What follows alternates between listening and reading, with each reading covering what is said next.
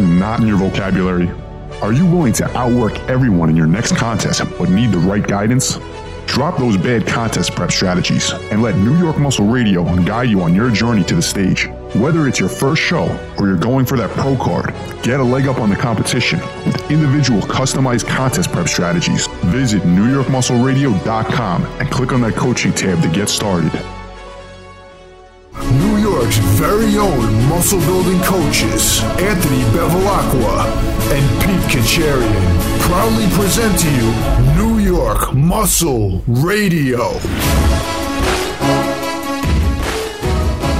What's up, guys? New York Muscle Radio, episode number 116. It's your host, Anthony Bevilacqua, alongside the birthday boy, Big Pete Kacharian and welcome to the New York Muscle Radio podcast. If you're a new listener, welcome to the only podcast on iTunes that gives you quality information without that fluff. Big guy, what's up? You ready for today's topic, nutrition for powerlifting? Nutrition for powerlifting. This is uh, definitely something that you're going to be the uh, shining star on because I'm pretty much just going to be here for the, the comic relief, I guess, for this episode. Ah, you know, what are you talking about, man? You know your stuff when it comes to nutrition. No, I, yeah, absolutely. Uh, you know, as far as nutrition for powerlifting, I think that's a topic that uh, me and you know a lot about because nutrition for powerlifting and nutrition for bodybuilding and physique goals are not really all that different. And I think it's something that powerlifters do neglect a lot of. Um, you know, powerlifters love to just eat food and lift heavy weights, which is great. Cool. We, we all love to do that. Um, definitely uh, one of my favorite things to do myself. But you know, if you're trying to take it to the next level, then nutrition is something you really have to pay attention to. And I think a lot of powerlifters do neglect that. I think bodybuilders are just hardcore in the nutrition, maybe even overkill in nutrition. Powerlifters definitely neglect it a little bit. Yeah, it's more the other way. It's more the other way definitely. them. You know? Well, anyway, we'll get into that topic today. I'm excited for that. But birthday boy, what did you do for your birthday celebration yesterday? Pretty much a low key, probably the most low key birthday party I've had in a long time. Just just dinner. That's it. Nice uh, evening dinner and drinks, and um, I had a nice uh, dessert after dinner. And What'd you have for dessert? What do you think I had for dessert? Probably ice cream. I had uh, I had I had a big bowl of frozen yogurt, and then I went on to one of my favorite snacks. Actually, uh, everyone's on the uh, pop chips kick but I did not have pop chips. I had pop corners. You know pop corners? Yeah, they're so much better. Pop corners are great, man. And I, I the, was I was the kettle flavor. Kettle is good, and um, what did I have? The the cheddar cheddar one. Cheddar is great. Yeah, yeah, yeah. The, wait, isn't that white cheddar? White cheddar, yes, the white Yeah. cheddar. That's my favorite one. They have a jalapeno one also, which is pretty good, but the Yeah. white cheddar is probably my favorite. But I was planning on. I had a ton of carbs left for the day, and I was planning on having an untracked, uh, just to finish finish off the day with untracked popcorners. But it, be, it ended up becoming tracked because I ate the whole bag. So Yeah, it's only I think in a whole bag is like a hundred something grams of carbs and I think like twelve fat or something like that. So it's not yeah, that bad. well, the fat's a little higher. I think it's like twenty or twenty five, but hundred carbs for the bag. It's not terrible. It's a whole bag of chips, you know. Yeah, they're so good though. I know you can't stop eating those. You know, there's some types of chips where like like Doritos. I love Doritos. I don't really eat them regularly, but Doritos, you have like a serving or two, and then you just feel kind of like full and gross after it. Yeah, especially the Cool Ranch flavor. Then I your love, mouth feels I- gross. Yeah, I love Cool Ranch, but like it, I guess it's good in a way because it prevents you from eating the whole bag. You know. But the, nacho macros cheese I think you higher. can eat yeah. more of. Yeah, nacho cheese are great, and I heard they brought back like one of the original flavors with the green bag. Oh my god, remember those Yes? I forget what the hell was the, what was I- the flavor? I, can't remember what it was. I think it was like a spicy one, but I can't remember what it was. oh my god, I didn't even know that. You know what? T- to be honest, I didn't even know they got rid of that flavor. Yeah, that hasn't been around. I mean, they brought flavors back. I, I- it might be just a limited time thing again. They always do that, but I, I see the green ones are around again.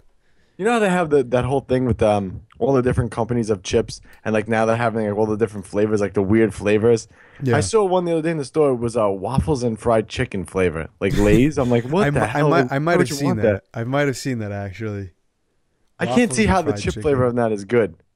Was it you? I was talking about the ketchup ones. Oh, I was just gonna bring that up. Yeah, ketchup chip. Those things are great. I remember seeing those the first time when I was a kid, and I'm like, why the hell would I want ketchup flavored chips? But they were they were good. They were so good. And um, what's the other flavor that we talked? Oh, salt and vinegar. Salt and vinegar. That might be honestly as far as like my favorite just potato chip flavor. sour cream and onion is always a staple, but like salt and vinegar if you're looking for something a little bit different. Yeah, you know that's kind of always been my thing. I'm never not into sweets like cake and cookies and shit. like I me- can me neither, avoid yeah. that. It's the chips as a kid growing up. That I feel like that's all I ate was chips. Chips and you know, yeah, just chips. Honestly, Just- Yeah. just bad snacks. It was like you said, never like ice cream and cake. Like I never like if someone put that on the table, like oh I really want that. But when the chips Yeah. are out, I'm eating some chips. Yeah, exactly, exactly.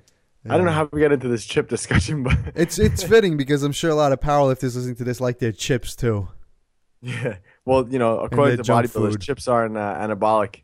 No, you know what's Funny. baked. I'm not even gonna get into that, but you know, you, do you remember how much debate? Actually, I'm gonna get into it. Do you remember how much debate there would be over if you could eat baked lays or not? No, I mean I don't remember that. I never really paid attention to that debate. I mean, if you look at if you look at the the, the ingredients in something like baked lays versus a white potato, there's not much of a difference. You know, and and they're like the macro wise. I mean, you're eating the bulk of it's obviously just a white potato. There's some other stuff in there that makes it not natural or not uh not paleo natty. friendly or I don't know what kind of title somebody wants to put on it or restriction somebody wants to put on it, but at the end of the day, it's a it's a potato. It comes from a potato. It's a carb source. You know, when you eat potatoes, you get carbs. When you eat baked lays, you get carbs. Maybe you get a little bit of fat more than a potato, but it's not fried, so it's not loaded with oil. So, um, you well, know, for the price, one of those damn bags because they're baked are so expensive. know, they're like they're like three fifty a bag. I know it's expensive, man. It's crazy. I, don't, I really don't buy chips that much anymore. I do get the, like I said, the popcorners I eat because every once in a while you'll get a sale. It's like three for, what is it three? No, two for five dollars or whatever. Yeah, yeah, So yeah. You get them on sale for two for five, buy like five or six bags. You know. Are you a pretzel guy? I like pretzels. I really don't eat them too much r- regularly anymore. But when I was a kid, I was big on pretzels. I do like pretzels. I I, I eat pretzel bagels all the time because I love pretzel. I love those. You I- turned me on. To Yeah. I love pretzel flavored anything. But um, just eating pretzels for the sake of eating pretzels, not so much anymore. pretzels or chips. Definitely chips. Yeah, Yeah, yeah. definitely chips. I won't go out of my way for pretzels. No, I like pretzels, but definitely if I go for one or the other, it's chips. I always baked lays, popcorners. That's pretty much it. My my two go to. Uh, I like, like I said, I like Doritos and stuff like that, but I, I won't eat them regularly. So let's shift back into training because this is the best muscle building podcast on iTunes here. So I want to keep this flowing. But um, so I wanted to talk about my deadlift training for a little bit. I really feel like I'm making huge strides in my deadlift. So I'm super excited for my next meet, which is going to be in November. Um, I'm really hoping to break that 600 mark, and I'm really hoping that it does it. But man, incorporating the singles into your training, it just makes deadlift training not easier because that's a wrong word, but what's the word I'm looking for here? Easier, I guess easier. I guess easier because now I've noticed that I've been able to add more weight to the bar quick, m- quicker, and hence that's going to get more volume over time, which will help me build more muscle, which will help me deadlift more. I think I, quick is the I- right word. I think more efficient would be Yes, there we the go. best way because, like you said, it's a lot more specific to what you're trying to do on meet day, and you're practicing that skill a lot more. Because you know, like we said on the last podcast, if you're doing five sets of five on deadlift and you're you're not resetting the reps every time, you're basically doing five real singles. You're only doing where each set there's only one rep where the first one is the first rep. Uh, when you do 25 singles, basically you're doing 25 that. So you're doing five times the amount more specific. So it's definitely going to have a lot more carryover. Well, this week I'm deloading and then I'm doing a test at the end of the week just to kind of see where my strength is at and see what if I need to adjust anything, whatever, based on what was going on. So for my test, obviously I have to do more than one rep. So I, I don't even know what the goal is off my head. I think it's like five or six reps with a certain weight. I don't even know what the weight is yet. It's weird how I don't know this off my head. I have it written down, but I don't like to. I don't pay attention to it because then I dwell on it. Yeah, You, know, I you think- ever I see that think- number on I the paper and you're like, oh, fuck. I think it's better not to even not to even know. Yeah. know? But anyway, so I have to do obviously I think I have to do like five reps with a certain weight. So I've been doing more resets just to build up to it, like only sets of five. So I've been, I've been so let's say the other day was I was supposed to do 18 reps with a certain weight. So I did uh just like a set of five, but like four seconds rest. Mhm. And I feel so much doing it this way, just in general, doing the singles. I feel so much more recovered. I feel so much more conditioned for deadlifts. When I do sets of deadlifts, I just don't. You just feel dead in between. Like I feel Yeah. good. Like it's so weird. Have you have you been incorporating it? Right? Yeah. So I've you, do you follow what I'm saying then? Yes, yes. I was actually gonna say I, I could definitely report the same thing. I, I'm doing them. I I do gauge it a little bit by how I feel that day, but I am doing singles across the board with my deadlift training. So like on a day where I might have let's say 25 reps, depending if it's a heavy, moderate, or light day, whatever it is. If I have to pull 25 singles. If it's a weight that I would do, let's say five sets of five with or something like that, I might break it up into five five sets of five singles, if that makes sense. Yeah, yeah, yeah. So instead of pulling a f- doing a set of five reps, resting, then doing another set of five reps, I'll you know devote um, a chunk of time to doing five reps, but pulling singles. Then I'll like you know I'll sit down, I'll rest or whatever I'll do. Then I'll get back and I'll pull another five singles, whatever I got to do. I left. He finds that so funny that I sit I- down in between sets. Like that's odd. Yeah, because you're like, you know, you lift and then right away you sit down. It's hilarious. It's like you're an out of shape guy. Like you'll you'll do a set like even there'll be curls. You'll curl, oh, oh, oh, and then you'll just put it down and then you'll go and sit down. Hey, man, and the- you'll be huffing up. the, the point the point in, the, the purpose the purpose of of resting in between sets is to recover for the next set. So the second you're done performing a lift, now it's time to start the recovery process. Recover. I'll never lift. forget the first time we you started training with me. The first time when I was still doing the powerlifting training, and I was dieting down for my show. So we worked out. We did a whole squat deadlift workout. It was like two and a half hours. you were like passed out on the bench, dying. And I go, "All right, Pete, time to do high intensity cardio." Your eyes almost fell out of your head. Yeah, because we were two hours into the workout. Like you said, we bench, squat, and deadlift. Two and a half hours in. And then it was time to start doing cardio. HIIT cardio, nonetheless. I don't even like doing HIIT cardio when I'm fresh. Nobody does. Yeah. Oh man, that was the fun. I'll never forget your reaction that day. That was probably the funniest thing ever. I didn't do that HIIT cardio. No, you didn't do it. You just watched me in amazement. I was not dieting, man. There was no reason for me to do HIIT cardio. Exactly. All right, guys. Remember, coaching. Couple slots left. N- need to pick it up. NewYorkMuscleRadio.com. Click on that coaching tab because we're closing up shop after these couple of spots are filled. So make sure to check that out. And if you're thinking about doing coaching, now's the time to take advantage. Um, t-shirts and tank tops are available. At newyorkmuscleradio.com. They're there. Get them while they're hot. Let's move on to the shout outs portion, buddy. So I got some from Instagram. I got some cool ones today. I have uh, at Chensthetics Fitness. He's also a powerlifter in the Long Island area, so shout out to him. Shout out to Ming Fitness. I like that name.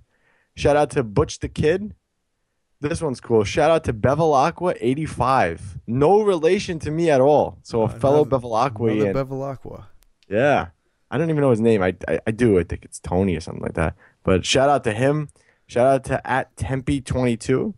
And I got a shout out. Someone uh, actually emailed us and she said, from Emma Holbrook, she said, I've been listening to your podcast on the way to and from the gym and so thankful for your advice. Strong is the new skinny for women, and your podcast promotes this idea.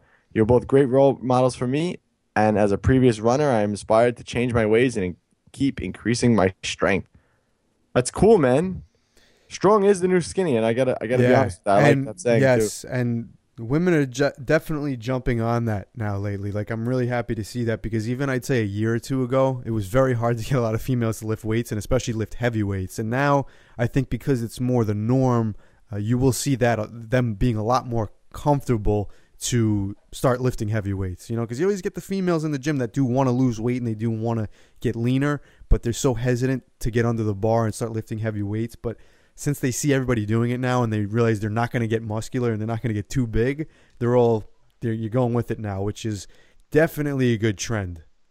Yeah, I like to say when women do too much cardio, they get cardio body, and that's like when Yeah. everything sags and it looks nasty and just they're skinny, but they just don't look like anything. It's just like flabby. But when a woman lifts, her body just changes. It's insane. It's insane. Women, I always tell women this: if you want to look really good, you got to lift like a man.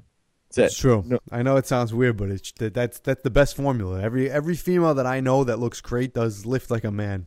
It's so funny because every time I, I, I try to explain that to them, they're like, "Oh, but I don't want to bulk up." I'm like, "No, no, no. Your goal should be to try to bulk up." Yeah, there's so many men. I say this too. There's so many men out there that try to bulk up and they still can't. What makes you think that as a woman you're going to be able to do it? You don't even have you don't even have the hormones to do it. And Yeah. there's men who do have the hormones to do it and they still can't do it. You know. Yeah, there's- I've been trying. I've been trying to bulk up for years. Me too, man. I know, I know the feeling. I've been trying to bulk up for years. I'm just gonna have to go on hormone replacement therapy like Yeah. everybody else yeah, you'll be blow good. up overnight.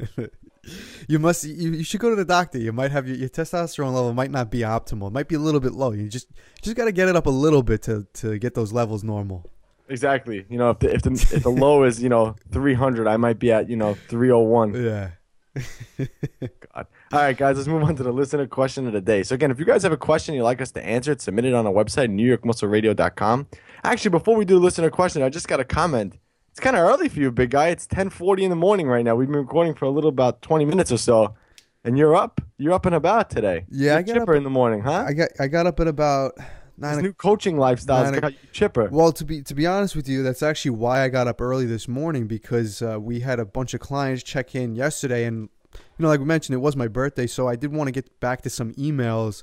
Uh, I didn't want anybody to wait too long, so I said, let me get up early tomorrow and get those done because it is a uh, it's a Sunday today, so I, I like to sleep on Sundays, but you know, when there's work to be done, you gotta you gotta you know plan accordingly. Yeah. So good morning. Good morning. Good morning. All right, so today's question. First off, first of all, thank you guys for being the best provider of bro science and questionable entertainment. Only joking. Don't stop reading just yet. So obviously I know this guy has to be from the UK somewhere. Seriously though, I've discovered you a week ago and I've listened to like a half of the episode since. I was glad to discover that some of some of the stuff you talk about I was already using intuitively or thanks to my own research, but I've learned a ton of good and new stuff from you guys. My question What advice would you offer to a regular guy who is not a bodybuilder and successfully managed to diet for several months, losing a pound or two each week, but is still relatively high on the body fat percentage scale? See, it says 17%. Would you recommend to diet down to sort of 10 to 12% to improve insulin sensitivity and then reverse diet, build up the metabolism and train muscles, or stop dieting and build up muscles ASAP? Or maybe to simplify, what would be the optimal diet duration for a non muscular, obese person to get them lean and in healthy form?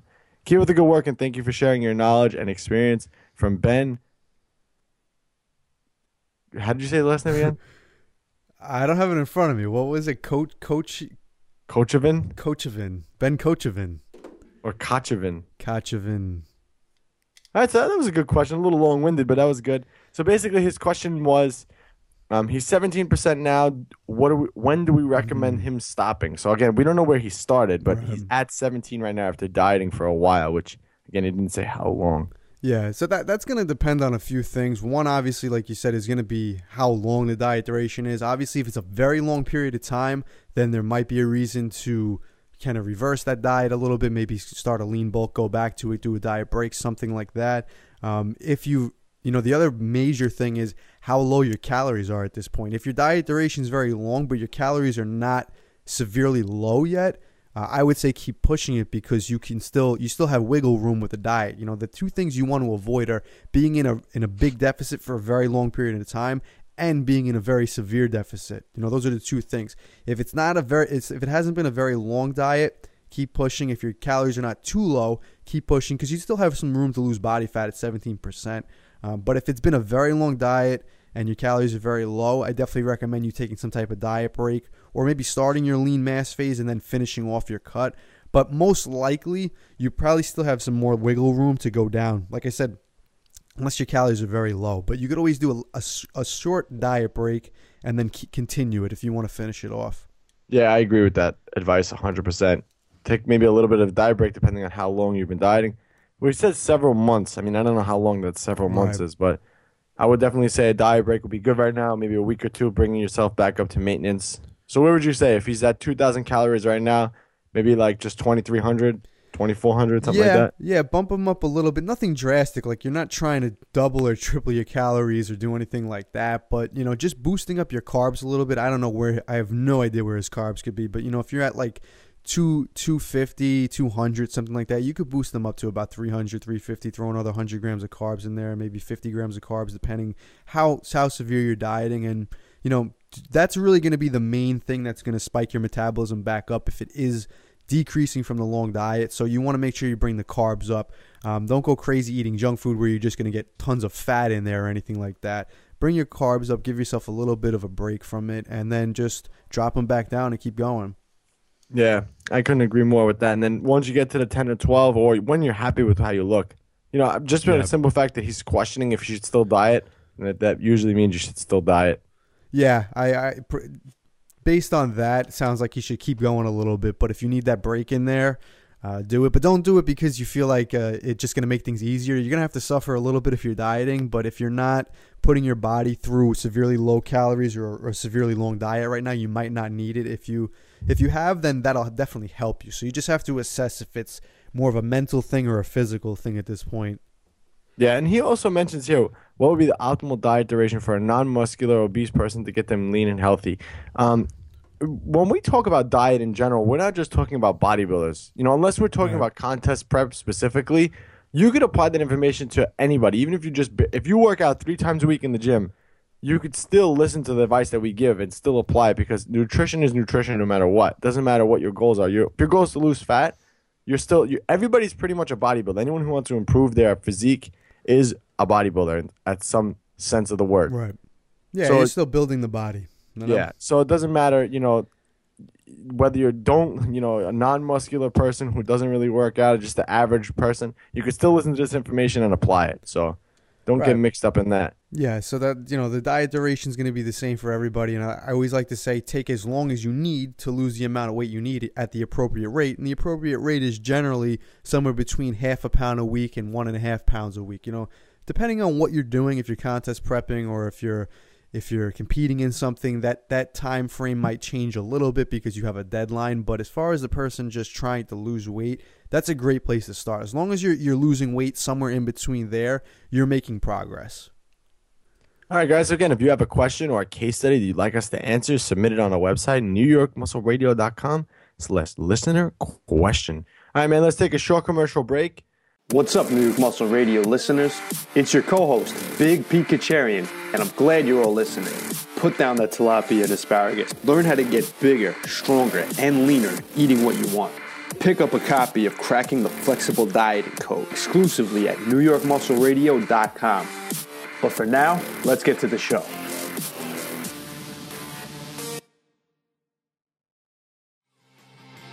Hey guys, it's your host, Anthony Bevilacqua, and I just wanted to announce that my brand new personal training facility is now open. I'm currently taking on new clients in the Long Island, New York area.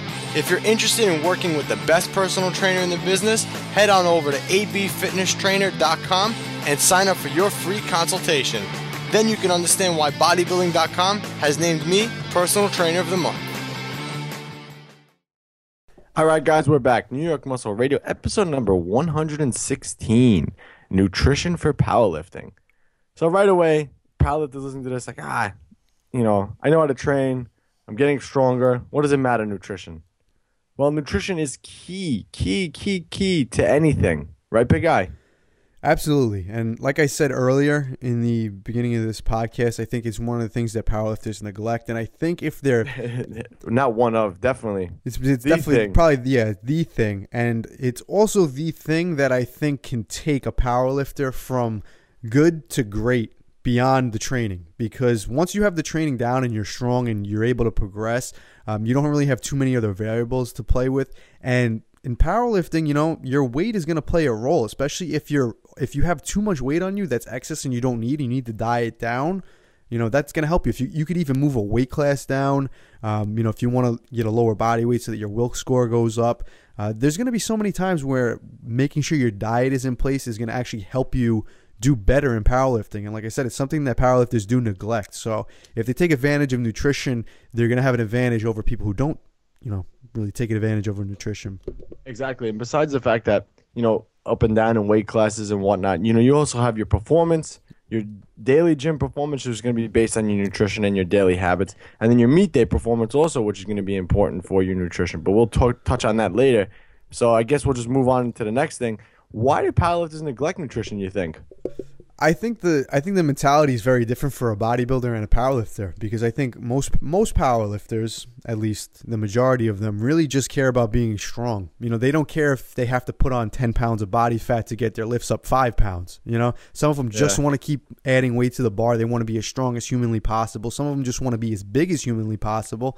So it doesn't matter if that weight comes from fat, from muscle, from water, from whatever. They just want to eat and they want to lift heavy. And, you know, there's nothing wrong with that if that's your goals. But like I said, if your goal is to be the best competitive power lifter, then that's not going to be the optimal way to go about it. That could definitely take you far, you know, just getting heavy, lifting heavy, getting strong. It's definitely all going to play together and it's going to be it's going to be all beneficial. But like I said, when you get to the point where you're going to have to start if you if your goal is to, to be the best that you can you're definitely going to have to pay attention to nutrition there's no way around it Yeah, well, I think like you said, you you touched on a good topic there. You know that they rather gain, you know, put on ten pounds to add five pounds to their lifts, and that's because it's easier to gain fat than it is to gain muscle. So it's easy to put on ten pounds of fat and just change your leverages, which is again something that we're going to talk about. but um, it's easy to do that versus having patience and waiting for the muscle to actually come on. Because naturally, as we know, you know, gaining muscles like watching paint dry. yeah and if you know if you said to me for whatever reason if you said listen you're gonna you're gonna make a million dollars if you could add 100 pounds to your squat by x date my instinct would be okay i have to get really heavy really fast so that i get stronger. Just by adding 20 or 30 pounds of weight on my body my squat's to go up or my bench is to go up or whatever it is just because i'm bigger you know? So i think the powerlifter mentality is very similar to that. Okay i need I scored here I need to get my my lifts and my total up to here by next meet. Okay, what am I going to do? I got to get heavier, I got to get bigger, I got to get stronger. Yeah, but I mean, to, for me, I mean, I, I I had to go up a weight class. So usually, when you go up a weight class, you obviously have to gain weight to get to that weight class. But usually, you like to spend some time above that weight class also. So if you're competing in the 205 class, normally you're a little bit heavier than 205. You know, up until the meet, and then you drop a couple pounds. You know, just to make weight for that meet. Usually, you're trained a little bit above your weight class. But for me, I just feel like if I do that, I feel too fat, man. I just I don't know. Like I sound like a girl right now by saying that, but I feel like out of shape. It's weird. I can't explain it. I just don't feel good. Like I don't feel good with extra fat on my body. Well, I'll tell you from my my experience, I definitely can relate to that. I mean, I've only done one powerlifting meet, and it had nothing to do with me being overweight or underweight. But when I diet down and when I bulk up for off season purposes, um, I always when I start a contest prep or if I just start a dieting phase, when I get that initial ten pounds off of me, I always feel so much better. You know, your body likes to likes to sit around a certain weight, and I think a lot of powerlifters kind of push that a little bit further than maybe a bodybuilder or the average person in the gym. And when you lose that little bit of excess weight to the point where you're not too lean, where your performance starts to drop off, or your body starts to resist weight loss or fat loss, um, just getting that initial that water off, that, that little bit of extra fat, your body tends to perform a lot better. I know when I start dieting, uh, you know, if I after I lose the first ten pounds my performance in the gym goes up. And you know, when you're contest dieting, when you get to the end of it, or you're you're just dieting in general and you get very lean, when you get to the end of it, your performance is shit. You know, it just gets progressively worse. But you get an initial boost overall because your fitness levels go up a little bit when you when you have that excess weight off of you. So I think for powerlifters, a lot of them don't have experience doing that and i think uh, you know they, they fear if i drop down 10 20 pounds i'm not going to be as strong as i am now because i'm going to be smaller but if it's 10 or 20 pounds of just excess water excess fat it's not really doing much you know it's not helping Yeah. you again leverages will play a role in that but that's to a certain degree Well, we'll touch on that and Yeah. the leverages thing in a minute. I know it's important, but I think powerlifters really neglect nutrition because it's it's complicated, and it could definitely be. It's one of those things that's like it's really scary if you don't understand it. You know? Yeah, I mean, I can relate to that too. When I first started training in general, it was there's so much information out there as far as building muscle, losing fat, and just overall performance, and they all contradict each other. So you have oh to you have to kind of you have to kind of pick one and then stick with it and see if that's that works. And if it doesn't work, you got to try something new. But um, I think it's, it's very easy because the the formula for powerlifting is pretty simple: train heavy and train progressively and get stronger. You know, you can't really mess that up. Uh, there's definitely better ways to go about it than others, but with nutrition, you could definitely mess up your nutrition. And another thing that might might, might be a reason powerlifters really don't like to pay too much attention to it, especially with cutting weight, is there's very few ways that you can drop fat without it affecting your performance. And it's very hard for most people to do that. And I think a lot of powerlifters, if they might try an approach that's supposed to work and they try it and their performance starts to drop off, they immediately panic and they say, you know what, I'm not gonna I'm not gonna drop weight because I'm weaker. You know, but there's ways to Yeah. do there's ways to do it. You know, you you know better than anybody that you can drop. How much weight did you drop from your your first meet and your strength went up the whole way? 20? Yeah, you dropped 20 pounds and your total went up throughout the whole training cycle. So, you know, there's ways to do it. You just, you have to do it optimally. You can't just crash diet or cut out carbs completely or cut out fats completely or do anything crazy like that because you will suffer from it and your strength will go down. Yeah. So let's talk about changing leverages because we mentioned it a couple times already.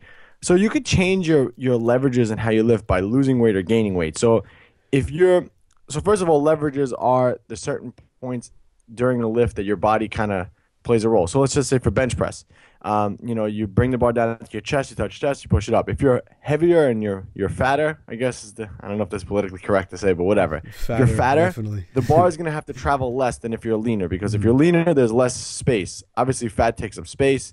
So let's just say it's even within a few millimeters.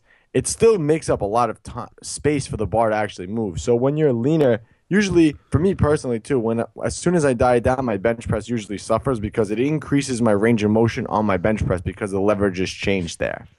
Yeah, that's definitely the biggest thing for me when I diet down. The bench press will definitely take the biggest hit and probably the hit first. You know, um, I'd say deadlifts are probably the least out of the three, and squats somewhere in the middle. Um, but again, it, it depends Yeah. on how much weight you lose, your leverages, and everybody loses weight differently too. You know, so people lose weight from different areas of their body first. I'm one of those I people. my- always I always lose from my neck and my chest right away. You see, I'm my arms. I'm the opposite. I always lose. It's almost like my my body loses fat off the back first before anything. My back can be shredded, and my abs might not be visible yet. You know that that that's how my body works. So I lose leverages differently than a lot of people. Not Mm, For. I I, lose like body fat, but yeah, you I just look like a crackhead. that's definitely an accurate statement. That's that's funny, but my yeah. face, my face, my chest, like my my whole upper body like shrivels. Yeah, you see, you know what's funny about me? I, I can get in contest conditioning and my face will still be slightly full. I never have that dr- that drawn face. And then in the off season, my face just blows up and gets fat. So it's a double edged sword, but I never have that drawn face. I never get the fat face. That's I good, never man. I feel like You're the only person I No, know. I don't know, man, because I hate that. Because if I die down, I look like Fifty Cent I in know, that movie. I know, I know. What was the name of that movie again? I forget what it was called. Yeah, but uh, yeah, He's the- like the crackhead or whatever you're, he was. you know, you're the white Fifty Cent man. Yeah, in that movie. But anyway, and you could also change your leverages for the better if you're gaining weight. So if you need to move up a weight class, you could change your leverages because again, if you gain weight, and we'll use bench press again for an example, you have to press that bar less because you could. I, honestly, you know, it's funny because we're just talking about touching the chest here, but you know, you that space between your forearm and your bicep. You know, if you add a little fat to your arms, that changes the leverages you have to push also. So, you know, th- these are all things that come into play. So, whenever you're losing weight or gaining weight, you're going to be changing the leverages either for the plus or for the minus. But if you do it slowly in either direction, you're not going to see much change. And this is where I think powerlifters are afraid of too. Like you said, you know, they're afraid to lose to lose weight because they're afraid they're going to get weaker. But if you lose weight correctly, like how we recommend on New York Muscle Radio, nice and slow, slow deficit, small deficit, you're not going to be losing weight that rapidly that you can't. Um, that those changing leverages are going to catch you by surprise, and one day you're just going to get under the bar and get crushed. It's not going to happen, you know, because you're losing weight at such a slow rate that it's, and you're going to be retaining more muscle that it's almost going to be non-existent. Yeah, and you can gauge it pretty much workout to workout. You know, as you're as you're dropping weight week by week, you get a feel for it each workout. Okay, is my strength starting to suffer a little bit? Is it still okay? You know, you might go in the gym and be dieting for two, three weeks, and you walk in and you just still feel strong, and you just keep pushing in that direction. You know, if you're if you're starting to diet and all of a sudden you're starting to feel weak, you, you feel like your leverages are off, the weight's getting heavier, then you know you're onto something wrong. You got to change it up. So that that's the whole point of taking things slowly. Yeah, in either direction. Absolutely, always. You know, because if, if you're if you're even trying to gain weight and you're just putting on, like I said, excess weight that's not going to benefit you, then you're you're just it's actually going to make your performance worse because your your fitness levels are going to go down. You know, you're not going to be able to train the same way if you're just carrying around extra weight. That that's not helping you. So this brings me to my next question because it seems like we're pushing for more. Uh, you know, the heavier you are, the, the the lighter everything will be. But so does that mean that you could get fat and eat whatever you want for powerlifting meet, Big Pete? I guess it depends on your goals, to be honest with you, and it depends on your metabolism because fat for some person, fat is relative. You know what I mean? Like if you told me your goal is just to get as strong as possible, my my plan would be closer for me, for myself, would be closer to just pretty much eating whatever I want because I know the way my body works. It's not gonna, it's really not gonna go above a certain body fat percentage as long as I'm training and as long as I have some ty- some type of dietary restriction. Um, when, and what I mean by that is not not force feeding myself beyond the the point of getting sick because I can pretty much do that and still stay about the same weight. Uh, but for and other, just feel and just feel really fat. Isn't that weird? yeah, yeah, it, it- that's that's the way it happens, you know. But for other people, some of them might have to be on a restricted calorie diet all year round, and, and they might still be a little bit on the higher end of where they should be, unless their unless their goal is strictly fat loss. But it's going to be different for everybody, and I'd say that as a general to answer it generally i'd say that's probably not the best way to go about it you know? But if you're somebody who is very lean naturally then that's probably a way you, you do want to go about it. But for most people you want to avoid getting overly fat. It's overly fat's not going to help you. I mean if you're starting to look if you look now at the best powerlifters in the world in whatever organization even people who don't compete if you look at the strongest strongest guys they're not really these fat guys that you used to see years ago on the powerlifting platform you know i don't i don't know if you ever remember going going and seeing issues of uh, powerlifting usa magazine and there's always a big guy on the cover and he was always really fat too you don't really see that anymore you see like these guys that like like dan green and these guys that just look like bodybuilders and it just goes to show you that you know the, the weights are going up now. You know everyone's getting stronger, but guys aren't getting fatter. They're getting more muscular and they're they're Yeah. they're lean. And well, everyone's on hormone replacement therapy. well, so that's, the probably yeah, what it is. that it's got to be the hormone replacement therapy. Yeah, I mean, listen, you know, as far as that doesn't mean I can get fat and eat whatever I want. I mean, you can eat whatever you want anyway, whether you're dieting or not. And this is what we Right. prac- we preach in cracking the flexible dieting code, our signature ebook found on NewYorkMuscleRadio.com. Uh, you can eat anything you want and still get in shape and get really lean. You know, so so the eating whatever you want part of it, you know, that's kind you could do that in either direction, but like I said, when I was trying to push the envelope and try to get above 205 to really sit higher up in my weight class, I just didn't feel good, man. I, you know, my carbs were at six something. I was never hungry, and it's just terrible. It's just a terrible feeling to feel like that, you know. And I, I don't know. It's for me. I would not say that getting fat is the, the answer. I mean, everybody's hmm. different, but it's like for you. I know you've never been over 190. You said. Maybe like 192 at best. Actually, yeah, 192, 183 is probably the highest I've ever. I, I sit comfortably at about 185, 190. Yeah, that's like me telling you, all right, Pete, go ahead. I want you to get up to 205 and stay there. You'd be really uncomfortable getting there really fat, really fast. Yes, definitely. And and my my advice to anybody is if you're trying to move up a weight class, don't force yourself up a weight class. Let it happen naturally. If your body doesn't want to go up a There weight he goes, class, jumping ahead. this is in the notes. yeah. All right, so let's not talk about that. But the goal, the goal, I'd say honestly, is is if your if your goal is to be as strong as as possible, be as strong as possible at the weight that your body wants to stay at. You know, and if you if you start to grow out of that, then good. But if you force yourself out of that, you might be setting yourself up for failure. Yeah. Might might be. It depends on every situation. But a general rule of thumb I'd say is let your body tell you where it wants to sit, then try and be as strong as that. Because if you were, let's just say, to eat comfortably, your body's gonna fall at a certain weight that it likes to stay at. Like I said, for me, it's somewhere between 185, 190. Uh, if I try and go beyond that, it I don't all of a sudden get stronger. I don't all of a sudden get bigger. I just maybe lay down a little bit of excess fat that really does nothing for me. If I go below that, then my strength might suffer. So if your goal is to be the strongest that you you can possibly be, let your body guide you. And eventually, you know, my, my body weight starts to creep up a little bit. Like I said, it's somewhere between 185, 190. And if you're somebody who pays attention to body fat levels a lot, like I do, uh, you know, going up one, two, three pounds, even the course over the course of a year, that's significant progress in terms of muscle mass added and not just excess fat. And that happens over time. So your weight will go up slowly and naturally. It doesn't mean that you're going to stay at 185 forever. But if that's where your body wants to be right now, that's where that's where I recommend keeping it. Yeah. All right, let's um let's talk about dieting down to a weight class. So my goal for my first powerlifting meet was I was at sitting around 198, something like that, which is where I normally my body likes to normally sit, and I feel comfortable that weight. I feel pretty lean at that weight. I feel good. It's a good off-season weight for me. So I'm at 198, and I decide I want to do a powerlifting meet, and the weight classes go um, 83 kilo, 93 kilo, or 82 kilo. I'm sorry, 82 kilo, 93 kilo, and then the 105. So I said I'm right in the middle between the two. I said I don't want to gain weight. I'm gonna diet. I said I, I think I could retain all my strength and diet down and be better off at a lower weight class. So I dieted down for my first powerlifting meet.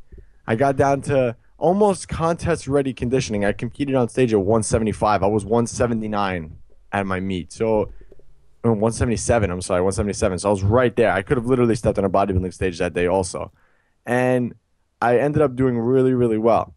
For me though, I felt like I couldn't train optimally enough at that weight class because I was at the border of that weight class. Like could, it was very hard for me to maintain that weight. I'd almost have to lose muscle to stay in that class.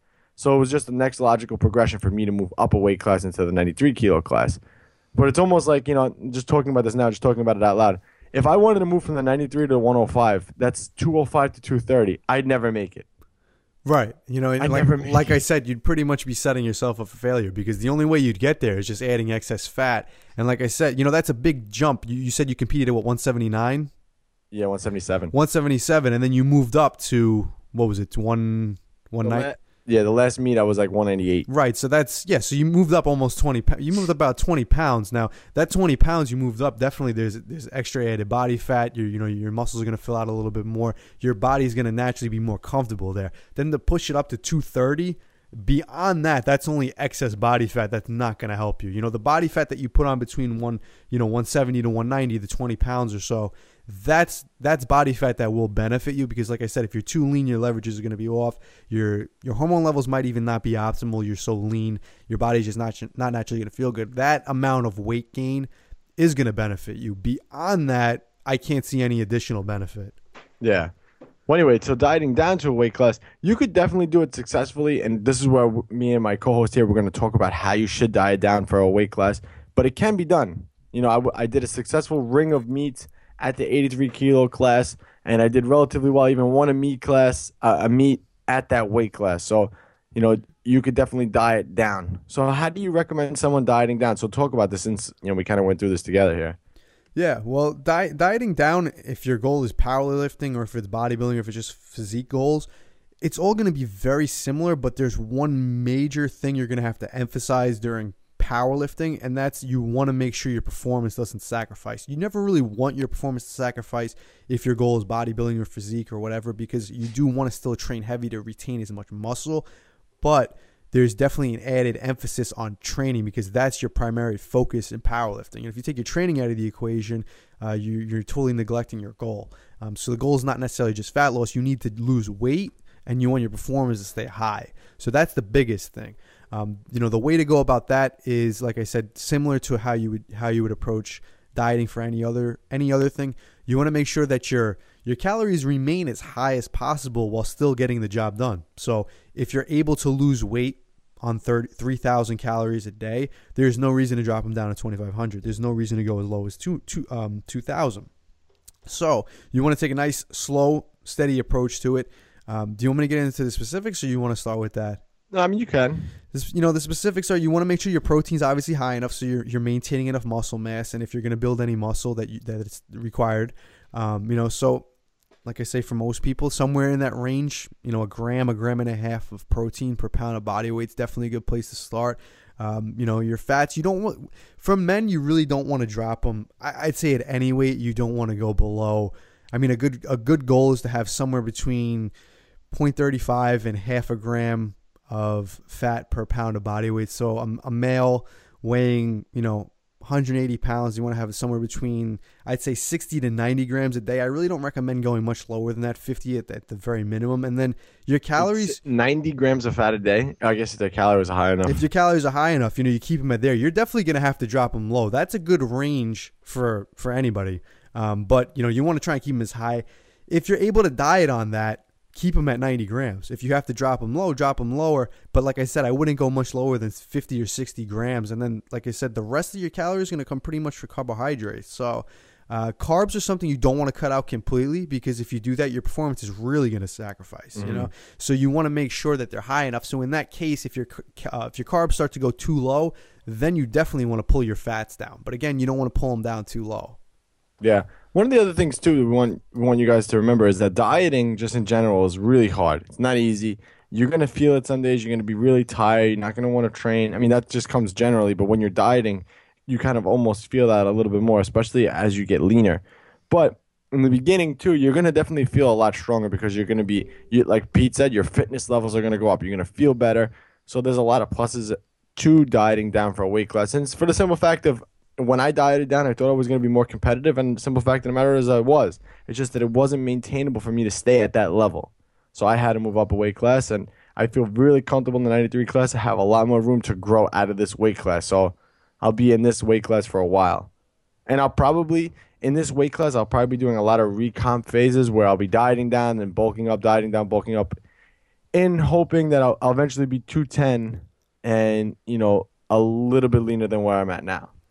Yeah, that that's really a good that's a good goal, and I think that everyone should strive for that, especially if they have been training for a long period of time and they're, you know, they've put on a significant amount of muscle and they're at the point where their their total or, or any individual lift is not really going to move up too much over, you know, a short period of time really try and just master your weight and master that weight class. You know, keep redefining where your weight is. So if you sit comfortably at 200 pounds, keep redefining your body composition at 200 pounds. You know, you could always add a little muscle, burn a little fat, and still stay in that weight class, still stay around that weight. And I really think that that's that's a good goal to have because like I said, even for myself, my body likes to stay at a certain weight class or a weight range um, I don't train specifically for powerlifting. I'm not a competitive powerlifter. I have competed in powerlifting, but regardless if my goals are bodybuilding, I've been trying to get him to do it again. Yeah, regardless of what my goals are, my body tends to, to like to sit right at a certain weight. But every year, my body composition at that weight changes, and it generally changes in favor of adding more muscle and having less body fat on me. So your body likes to sit at a certain weight. It doesn't always. This is something that a lot of people don't don't really talk about. But the fact is, you, you know, everyone always talks about body fat set point and where your body likes to sit, but your body also has, I like to call it, you know, your body weight set point. You know, there's a weight that it likes to sit at, and mm. it will it will prefer to sit at that weight regardless of your body composition. If you have to be fat at that weight or if you have to be lean at that weight, it generally likes to stick at that weight too. So yes, body fat um, body fat set point definitely exists and it's definitely a major thing. But body weight set point is also a major thing that your body likes to sit at. So I can't tell you how many times I've my body's forced me to put on weight to get back up to a certain range or or lose weight to stay at a certain range regardless of what I'm doing with my calories and where it wants to sit with with my body fat percentage. Eventually it will even out and go back to where it normally does, but it likes to kind of get to that weight first. All right, we're going to talk about gaining weight into a weight class. But before we do that, I just want to touch on because now we're talking about it and thinking about it. Do you think cardio? I mean, I know we hear cardio, everyone's like, "Oh my god, is that Spanish?" But mm-hmm. you know, cardio. Do you think it has a role for dieting down and gaining weight? Do you think that if you kept a little, if a powerlifter kept a little bit of cardio in there, that you know, because there are studies that show that you can do cardio and you can do weight training and you're not gonna, you know, detrain, which is a big myth that guys think they have. So do you think so? If I wanted to gain weight, let's just use me as an example. I wanted to get to 215, sit right in the middle of my class. Do you think if I did a little bit of cardio, would help? I don't think it would hurt. You know, it, it would only hurt if the if it took away from your training. You know, that's the biggest thing. And and you train with very high volume, so you're definitely getting cardio in there. Uh, but if you train to the point where you you have to stick cardio in there and it's taking away from your training intensity and it's taking too much time out of your training, then it might hinder you. But I think if it's not if it's not taking away from your time, if you have the time to do it, and it's not impacting your recovery, I definitely don't see it having any negative impact. I think it becomes negative when you lose focus over your your main goal, which is obviously getting stronger and training. You know, so yeah, I mean that's that's obviously everyone's goal when it comes to powerlifting. But you know what it is, for me, I hate feeling out of shape, you know? I right. like being leaner. I like being a little bit leaner, which is fine. That's my personal preference. I like to, you know, be able to see my abs and stuff like that. If I can't see my abs, I'm like freaking out, you know? So for me to even think about being at 215, it's like, oh man, I'd be a mess at 215.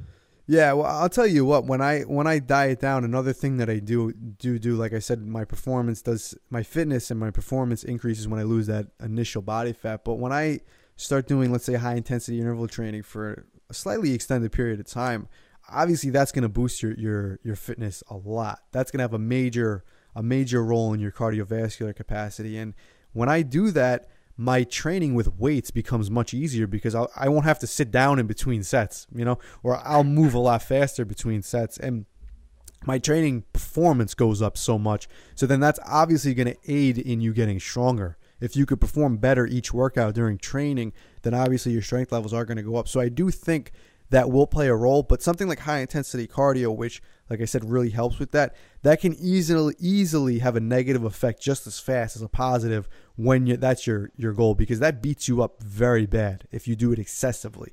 So exactly. about, I was just going to say if, if you if you want, yeah, yeah, yeah. That's a good point. Managing it because if you if you did just something like even three HIIT intervals after a workout, mm-hmm. three HIIT intervals are nothing, zero. right.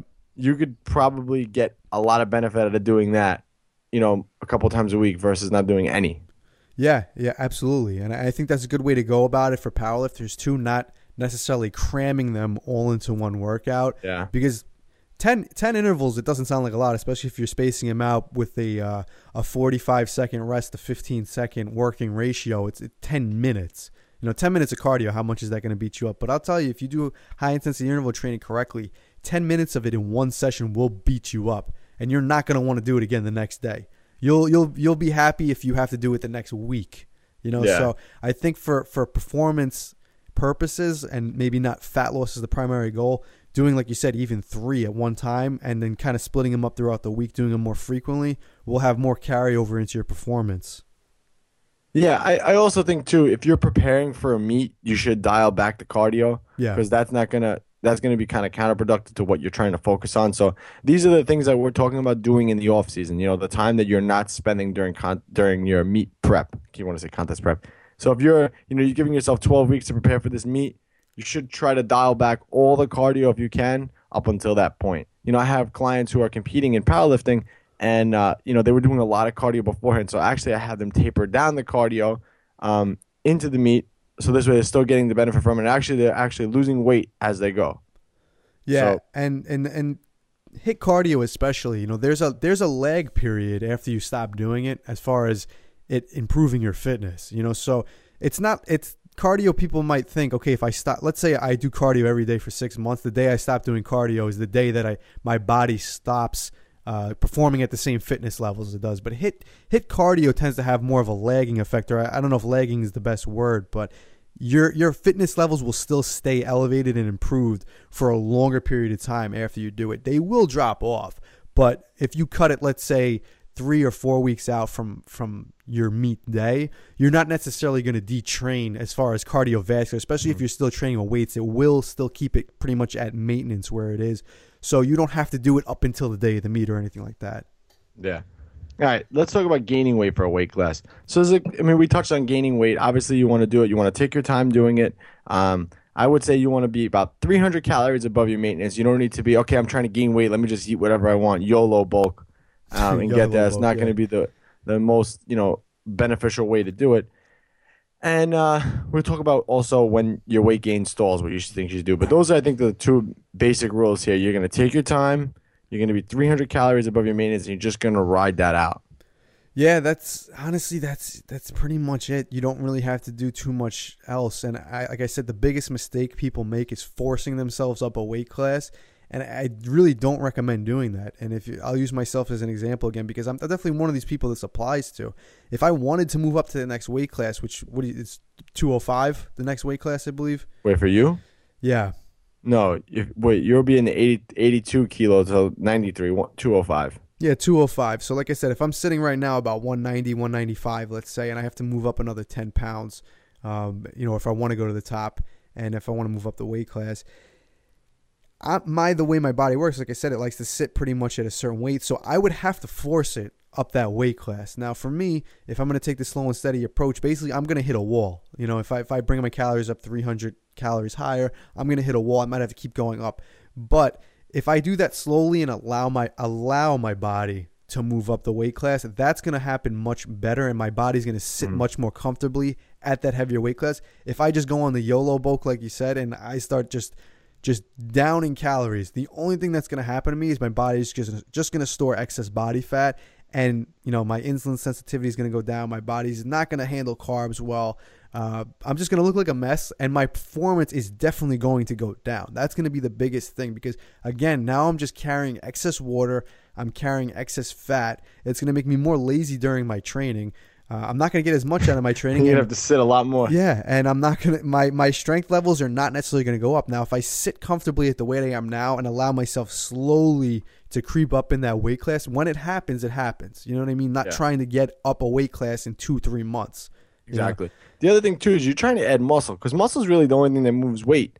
You know, we talked about leverages and with fat and so on, but that only works, I think, for a certain amount of pounds. After that, after you, I would say that you know, from the amount of muscle that you have. So let's just say for me, for example, whatever one one seventy five. Let's just say I was like one seventy five, shredded, peeled, bodybuilding status. You know, not one ounce of body fat on me. That.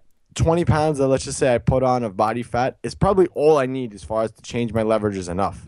Right. Anything more than that, it's it's going to change my leverages too, but it's also I'm going to be detraining. Right. There's going to be a point of diminishing returns, that's Yeah. for sure. And you know, like you said, it's it's not much in terms of weight. You know, you're taking a 200 pound guy, and we're talking about 20 pounds can make the difference. 50 pounds, 60 pounds, that that's just crazy overkill. And you do see so many guys competing that heavy over where they can be and still be as strong. And like mm-hmm. I said, you know, you're going to do much better if it's if it's if you're a weight class above where you should be just because you have excess body fat. Then why not just lose it?